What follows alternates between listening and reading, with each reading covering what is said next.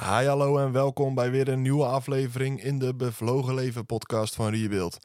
Elke week een teaching van 20 minuten, vol tips en tricks om te leven in de wind van de Heilige Geest.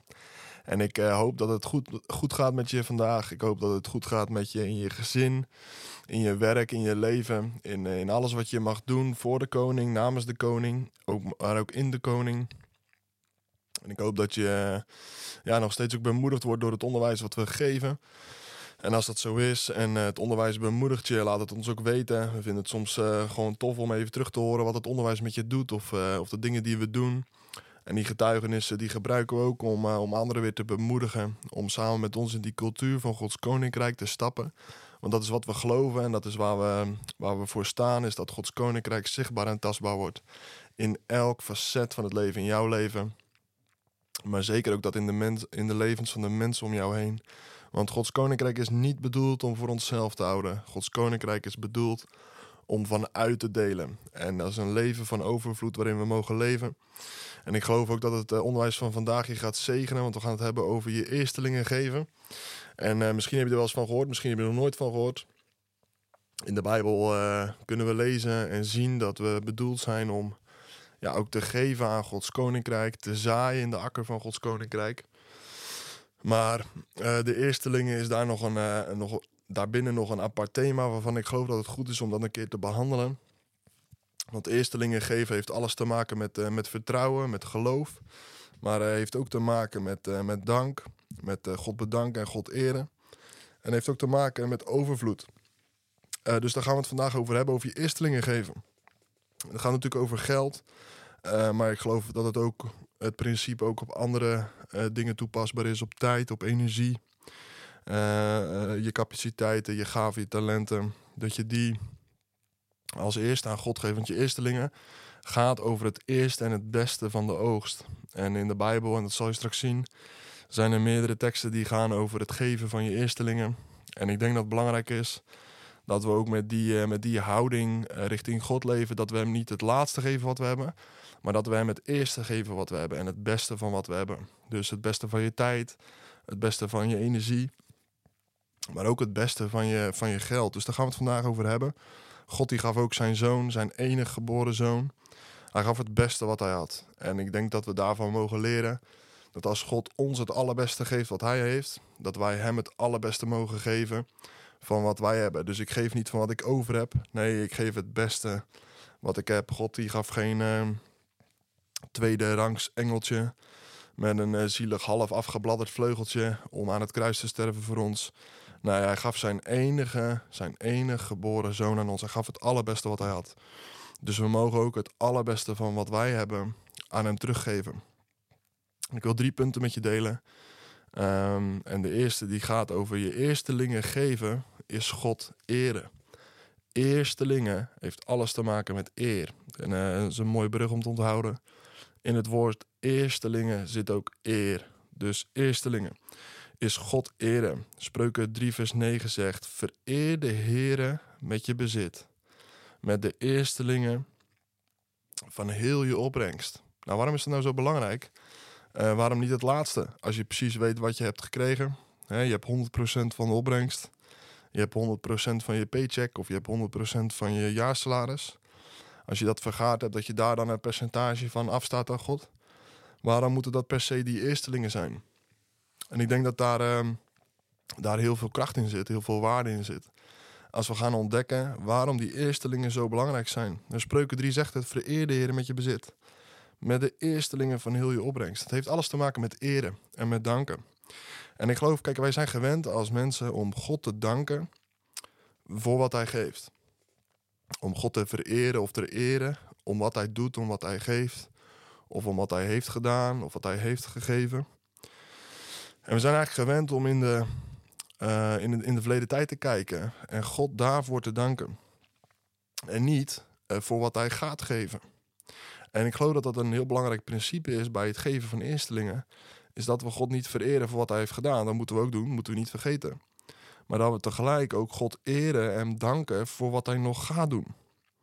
En ik vergelijk het wel eens met, uh, uh, met dit voorbeeld. Stel dat je 100 euro hebt. en je bent gewend om 10% te geven en misschien ben je dat wel of niet gewend.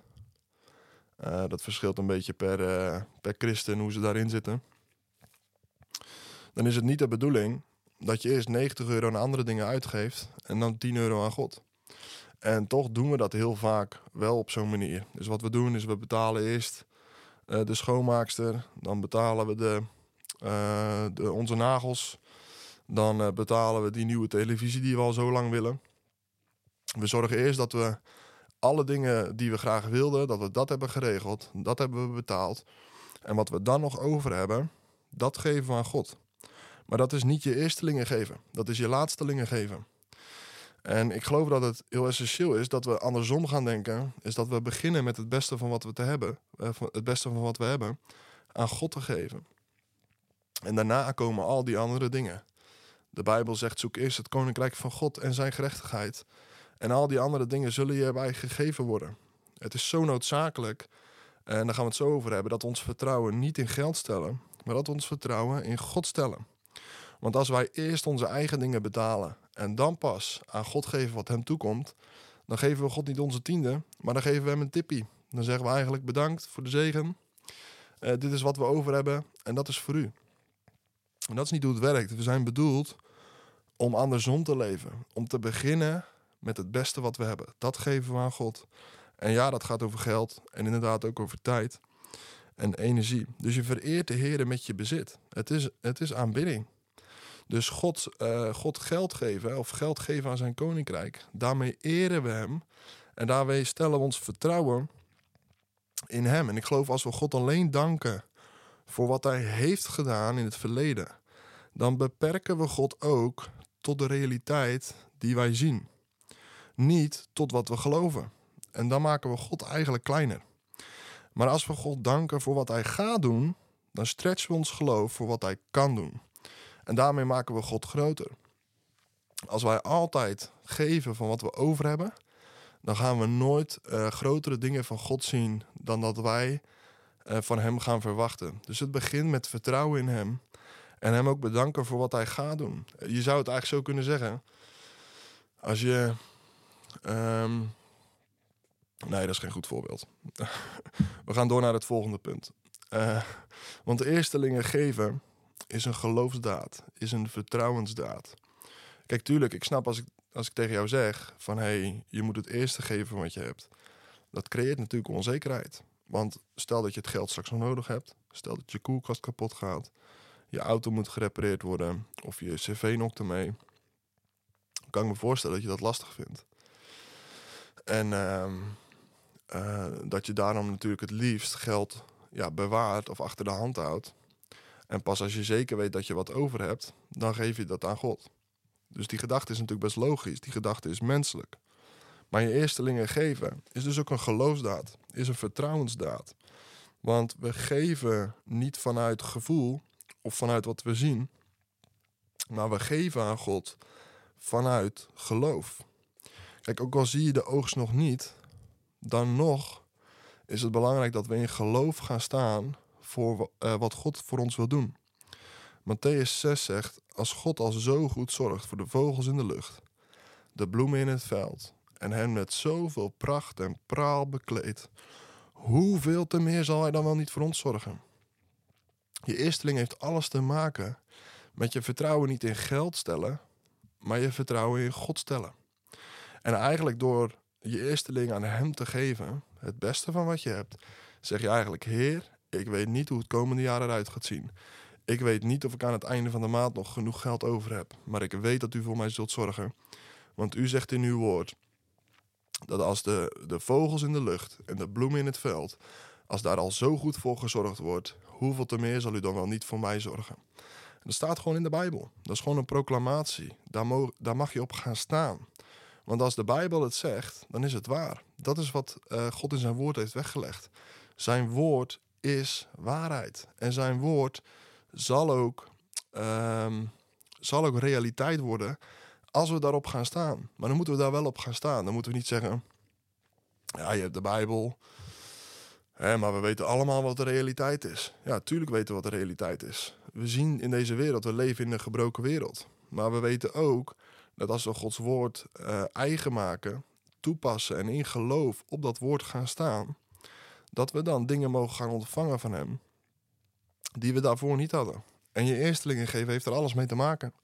Met dat je zegt, ik stel mijn vertrouwen op de Heer, ik stel mijn vertrouwen op God en niet in geld. Ik, heb een, ik, ik denk dat dat een belangrijk, belangrijk principe is. Heel veel mensen zitten vast aan geld. Waarom? Omdat ze zich zorgen maken. Niet omdat ze geldzuchtig zijn, maar omdat ze bang zijn om tekort te hebben. De Bijbel leert ons op zoveel plekken: je zal nooit meer tekort hebben. Je zal nooit uh, onvoldoende hebben, want ik zal altijd voor je zorgen. Dan kan het misschien zijn dat je soms weinig hebt of weinig geld. Ik weet nog toen mijn vrouw en ik net trouwden. En uh, na een jaar hadden wij uh, minder geld dan dat ik ooit had gehad en ooit zou hebben. ik denk dat we nog misschien een paar honderd euro op onze rekening hadden. En we hebben met heel weinig geleefd. En, maar wij hebben altijd gezien met God, ook al heb je weinig, met Hem is het meer dan genoeg. Dus stel je vertrouwen niet in geld, maar stel je vertrouwen op God. En zeg eigenlijk ook in vertrouwen: Ik geef het beste wat ik heb, want ik weet dat U voor mij zorgt. Nou, iemand die ook heel weinig had, was de weduwe uit Sarfat. Misschien je het verhaal wel uit 1 Koningen 17. Het is een verhaal van um, een weduwe uit Sarfat waar Elia naartoe wordt gestuurd. Elia die uh, leeft aan een beek en hij krijgt water van die, van die beek. En er komen allemaal raven, die geven hem te eten en zo. Maar er is, uh, er is een, uh, een droogte in, in dat land. Er is watertekort. En God zegt tegen Elia, ga naar Zarfat toe. En ik heb daar een weduwe klaarstaan voor je, om voor jou te zorgen. Dus Elia gaat naar die plek toe. En dan komt hij buiten de stad, komt hij die weduwe tegen. En hij vraagt aan die weduwe wat te drinken. En zij, uh, zij put een beetje water uit de put. En zij geeft hem te drinken. Of zij gaat weg en dan zegt Elia tegen haar... Als je dan water gaat halen, wil je dan voor mij ook een stuk brood meenemen? En dan zegt die vrouw, zegt iets in de trant van... Uh, zo de Heer uw God leeft. Nou, dat staat er zo in de Bijbel. En in hedendaagse tijd uh, zou ze hebben gezegd... Wat bedoel je in vredesnaam? Wie denk je wel niet dat je bent? En dan zegt ze: Ik heb uh, niet eens genoeg voor mezelf. Ik was net op dit moment hout aan het sprokkelen. Straks ga ik naar huis. Dan maak ik een vuur. En van het allerlaatste beetje meel en olie wat ik heb, daar zal ik een koek van bakken, een brood. Dat zullen wij opeten. En dan zegt ze: En daarna zullen wij sterven. Deze vrouw was zo hopeloos. De situatie was zo uitzichtloos. De vrouw en haar zoon hadden nog maar een heel klein beetje brood om van te leven. En Elia komt eraan en die zegt tegen haar: Geef mij een beetje brood. Dus die vrouw is natuurlijk verbolgen en die legt dat uit aan Elia. Maar dan zegt Elia iets bijzonders. In 1 Koningen 17, vers 13 kan je het lezen. En er staat: Elia zei tegen haar: Wees niet bevreesd. Ga, doe overeenkomstig uw woord, maar maak er eerst voor mij een kleine koek van en breng die bij mij. Maak daarna voor u en voor uw zoon iets klaar. Kan je je voorstellen? Een vrouw die helemaal niks heeft. En het laatste wat ze heeft, uh, is, uh, wilde ze net gaan opeten. Dan komt er een profeet en die zegt: Maak er eerst voor mij een kleine koek van. Nou, als dat vandaag de dag in het nieuws zou komen, dan zou de wereld op zijn kop zijn, op zijn kop staan. Secteleider berooft weduwe van haar laatste, van haar laatste euro. Daar, zo zou de kop luiden in de krant vandaag de dag. Hij zegt: Maak er eerst voor mij een kleine koek van en breng die bij mij. Je wat Elia idee? Hij nodigde die vrouw uit om in vertrouwen te gaan staan op het woord van God. Want hij zegt daarna: Geloof mij, je zult nooit tekort hebben totdat deze, uh, totdat deze droogte voorbij is. Totdat er weer regen zal zijn, totdat er weer rijkdom zal zijn. Je zal nooit tekort hebben. Maar maak er eerst een kleine koek van voor mij. Hij vraagt aan die vrouw eigenlijk om van dat kleine beetje wat ze heeft, om daar een klein stukje van af te staan aan hem. Niet als laatste van wat ze over heeft, maar als eerste van het beste wat ze heeft. En deze vrouw die gehoorzaamt en ze geeft Elia die koek. En dan kan je lezen verder in 1 Koningin 17. Daarna aten die moeder en die zoon en daarna hadden ze gedurende die periode van droogte, gedurende die periode van hongersnood, hadden ze altijd te eten in huis. Er staat het meel in de pot raakte niet op en de olie in de kruik bleef stromen. Dat is hoe het bij God werkt. Alles wat het van ons vraagt is een stap in geloof.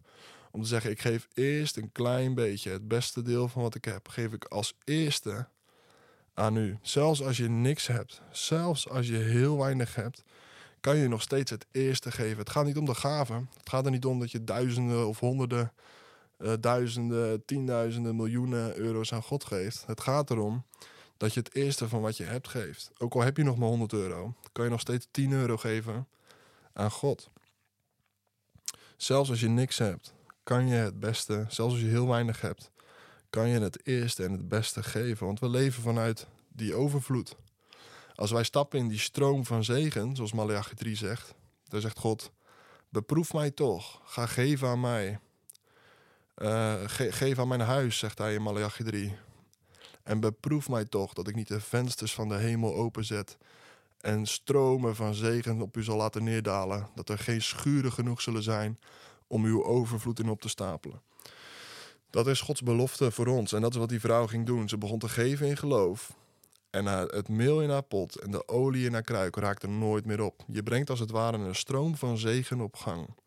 Uh, voor jezelf, maar juist ook in overvloed voor hem, voor anderen en van zijn koninkrijk. Dus eerstelingen geven heeft alles te maken met vertrouwen. Punt 2 was dat. En punt 1, eerstelingen geven is God eren. Het is een geloofsdaad. En als derde punt, eerstelingen geven doe je dus vanuit overvloed. En ik begon deze aflevering met Spreuken 3 vers 9 waar staat... Vereer de Heer met je bezit, met de eerstelingen van je oogst. En dan staat er in Spreuken 3, 3 vers 10, het vers daarna komt er een belofte aan vast en er staat... Dan zullen je schuren gevuld worden met overvloed en je perskuipen overlopen van nieuwe wijn. Ik geloof dat eerstelingen, uh, eerstelingen geven ons helpt om los te komen van een armoede denken of van een tekort denken. Ik geloof dat het ons helpt om los te komen van het gevoel dat je nooit voldoende hebt of net niet genoeg. En dat het ons helpt te groeien in het overvloed denken. Kijk, uh, je, misschien ken je dat voorbeeld wel van een, eh, een pessimist die zegt: Mijn glas is half vol. En een optimist zegt: Mijn glas is half, of andersom. Een pessimist zegt: Mijn glas is half leeg. En een optimist zegt: Mijn glas is half vol. Maar bij God zijn geen optimisten en pessimisten. In Psalm 23 zegt de psalmist: Die zegt: Mijn beker vloeit over. Dat is de goedheid en genade van God die ons volgt al de dagen van ons leven. Is wij hebben geen half vol en ook geen half leeg glas. Nee, we hebben een glas wat overstroomt. Niet voor onszelf, maar juist voor de mensen om ons heen en voor zijn koninkrijk. God is niet op zoek om mensen te zegenen voor hun eigen leven. Ja, ook. Maar juist vanuit daar een kanaal te laten zijn om deze wereld te kunnen zegenen. En om zijn koninkrijk te kunnen zegenen. Uh, dus ons glas is niet half leeg. En ons glas is ook niet half vol. En ons glas is ook niet driekwart vol. En ook niet 100% vol. Nee, het stroomt over. Zoals ik net al zei, het Malachi 3. Dat de vensters van de hemel openstaan en dat die stromen van zegen op ons neerdalen. Zoveel, zegt Malachi 3, dat u geen schuren genoeg zult hebben om de opbrengst in op te slaan. Dat is de bedoeling. Dat ons glas zo vol zit dat het overloopt. En wat doen heel veel mensen? Heel veel mensen zoeken een extra glas. Of een groter glas, of ze bouwen een grotere schuur. Terwijl we juist bedoeld zijn om het vanuit, die, vanuit dat volle glas over te laten stromen en uit te gieten in deze wereld. Dus geef het eerste van wat je hebt, het beste van wat je hebt. Ook al zie je, ook al zie je het niet. Ook al heb je geen perspectief. Het is een geloofsdaad. Een stap in vertrouwen. Waarmee je God eert en waarmee je eigenlijk zegt: Ik maak mijn leven niet langer afhankelijk van geld. Ik maak mijn leven afhankelijk van u. Dus geef ook niet in december als je geld over hebt en het komt goed uit voor de belastingaftrek. Geef in januari en in, in februari en maart. Elke maand. Misschien zelfs voordat je paycheck er is. Of zodra je paycheck binnenkomt, dat je gelijk overmaakt naar hem. Nou, ik wil die nog bemoedigen met een mooi verhaal. Mijn vrouw en ik waren ooit aan het bidden. We hadden het gevoel dat we aan een zendelingen echtpaar moesten geven. En eh, meestal als mijn vrouw en ik bidden, dan krijgen we hetzelfde bedrag op ons hart om weg te geven. En eh, deze keer niet. Deze keer was het een aardig bedrag. En tussen haar en mij zat 250 euro. En ehm, we waren toen net begonnen met Rebuild. Of we hadden net de ideeën voor Rebuild. We hadden nog geen stichting, er was nog niks. Alleen we hadden wel de visie. En we hadden wel het verlangen. En we waren aan het bidden en we zeiden van... Heer, ja, we zitten 250 euro bij elkaar. Uh, hoe, uh, hoe gaan we dit oplossen? Moeten we voor, de lage, voor het lagere bedrag gaan? Of moeten we voor het hogere bedrag gaan? En op dat moment, uh, terwijl we aan het bidden waren, ging bij ons de voordeur, ging de brievenbus. En er kwam een kaart doorheen. En ik liep er naartoe en ik pakte die envelop. En er zat een kaartje in van ja, mensen die we niet kenden. Was ook niet ondertekend. En er stond... Vannacht kregen wij een droom. En uh, wij geloven dat God ons heeft gevraagd om jullie te zegenen. Met deze 200 euro. En we geloven dat dit saai goed is voor jullie nieuwe bediening. En ik weet niet of die mensen wisten van onze plannen. We hebben er niet met heel veel mensen over gesproken. Dus misschien via via wel. Maar we kregen op dat moment 200 euro als saai goed voor Rebuild. Het allereerste gift die we kregen voor Rebuild was gelijk bestemd om dat gat van die 250 euro te dichten. Maar goed, je, je hoort het al. Het gat was 250 euro. En we kregen maar 200 euro. dus ik zeg tegen mijn vrouw, ik zeg, nu, nu moeten we gaan bidden voor die andere 50 euro. En een dag later zaten we op de verjaardag van mijn, eh, van mijn schoonmoeder. En zij gaf ons een envelop. En ze zei, normaal gaan we iets leuks doen met elkaar. Maar nu vond ik het leuk om jullie allemaal een bedrag te geven. Zodat jij zelf iets leuks eh, of goeds mee kan doen. Dus wij pakken die envelop aan, stoppen hem in de tas. Een paar uur later gingen we naar huis. Ik zeg tegen Lien, open die envelop en laat me die 50 euro zien. En jou hoor, dat is precies 50 euro. Dus het eerste wat wij kregen voor Rebuild was meteen zaai goed voor Gods Koninkrijk. Niet voor Rebuild zelf, maar om vanuit te delen. En God zal elk tekort aanvullen overeenkomstig zijn rijkdom, zegt Filippenzen 4. Bij God is geen tekort. God is geen God van tekortdenken. God is een God van overvloed. En ik wil je echt uitnodigen om in die stroom van zegen te stappen. Door het beste wat je hebt, je eerstelingen aan Hem te geven. En zeggen: Heer, ik stel mijn vertrouwen op U. Ik wil afhankelijk zijn van U. En hoeveel geld er ook op mij afkomt, ik zal zorgen dat het tot zegen zal zijn. Dat ik het voor de eeuwigheid laat tellen. En hoe weinig geld er ook naar mij toe komt, ik stel mijn vertrouwen en afhankelijkheid in U. En zal altijd afhankelijk willen zijn en willen blijven van u. Ik wil je er echt toe uitdagen, want ik geloof dat het een, een prachtige sleutel is voor je leven. Als je daarin gaat groeien, dan ga je zegen ervaren in je leven. Niet alleen voor jezelf, maar juist voor de ander om uit te delen. Ik hoop dat je geïnspireerd en aangespoord bent om een bevlogen leven te leiden. Rebuild heeft het verlangen dat Gods koninkrijk zichtbaar en tastbaar wordt in elk facet van het leven. In jouw leven. En niet alleen in dat van jou, maar ook in dat van je buren, je familie, je vrienden en je collega's. Wil je meebouwen met Rebuild en ben je benieuwd hoe je dit kunt doen? Kijk dan op www.rebuilders.nu meebouwen. Ik wens je nog een hele fijne dag.